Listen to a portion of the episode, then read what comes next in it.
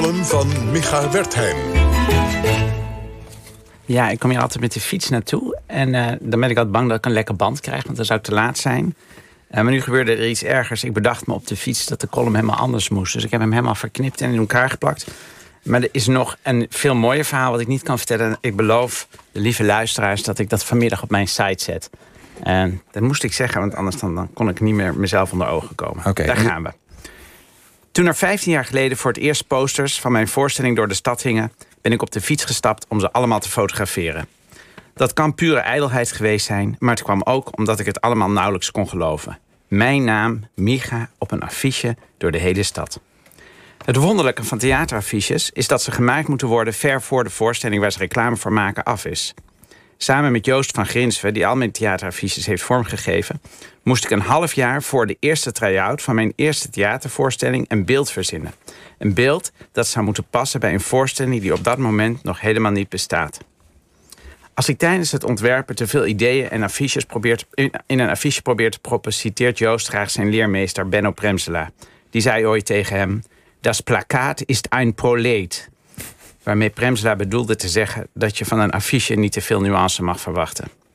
Desondanks, of misschien wel daarom, neem ik het ontwerpen van de affiches altijd heel serieus. Als het af is, wordt dat ene beeld op het affiche de stip op de horizon waar ik mij tijdens het maken van de voorstelling op richt. Ook dit jaar was mijn affiche al in maart klaar. Joost had een beeld verzonnen dat helder genoeg was om een voorstelling bij te schrijven en vaag genoeg om niet in te weg te zitten van wat ik nog zou moeten bedenken.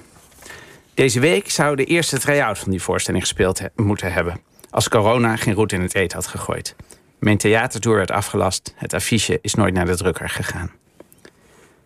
Des te groter mijn verbazing toen ik aan het begin van de zomer door de stad reed en toch mijn naam op een affiche zag staan. En heel groot ook nog eens. Grijp jij in als Micha wordt uitgemaakt voor Jodejong? Stond er met koeienletters. Ik moest even in mijn ogen wrijven, maar het stond er echt. De poster bleek onderdeel uit te maken van een campagne waarmee de gemeente Amsterdam haar inwoners wilde overtuigen zich uit te spreken tegen racisme. Op een andere poster las ik: Doe jij iets als een homostel wordt bespuugd? Een ander riep mensen op in te grijpen als de buurvrouw wordt uitgescholden vanwege haar hoofddoek. Er hing een poster die duidelijk maakte dat oerwoudgeluiden bij een voetbalwedstrijd onacceptabel zijn. En zelfs een discriminatie van ouderen was gedacht. Nodig jij Dirk van 55 uit voor een sollicitatiegesprek? Stond er in koeienletters. De gemeente Amsterdam wilde duidelijk niet het verwijt krijgen dat ze bij hun campagne tegen discriminatie zelf hadden gediscrimineerd. Aanvankelijk kon ik er wel om lachen. Een goed bedoelde campagne waar toevallig mijn naam in was geslopen. Maar hoe vaker ik die poster tegenkwam, hoe ongemakkelijker ik er mij bij voelde. Jodejong? Waren er echt nog mensen die dat riepen? Kankerjood, dat hoor je wel eens.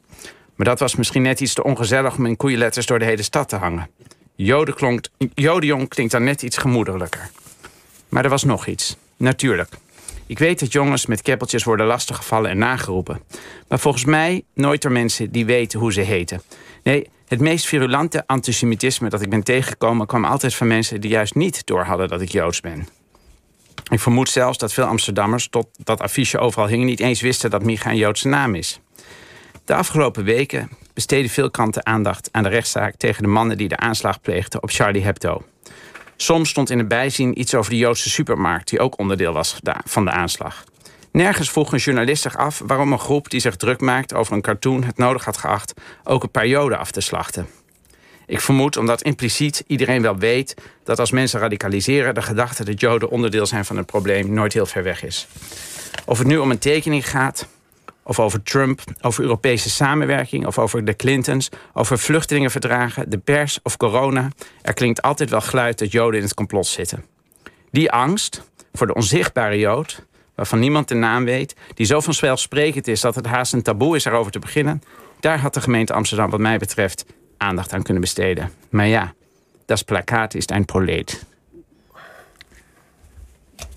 Mooi, dankjewel. Ja, en, uh, het is dus nog een veel mooiere... Ja, op jouw website. En dit is uh, ja, Micha Wertheim. Ja, ook weer Micha Wertheim. Het is alleen maar Micha vandaag. Uh, maar dat, uh, ja, moeten de luisteraars dan maar als huiswerk tot zich nemen.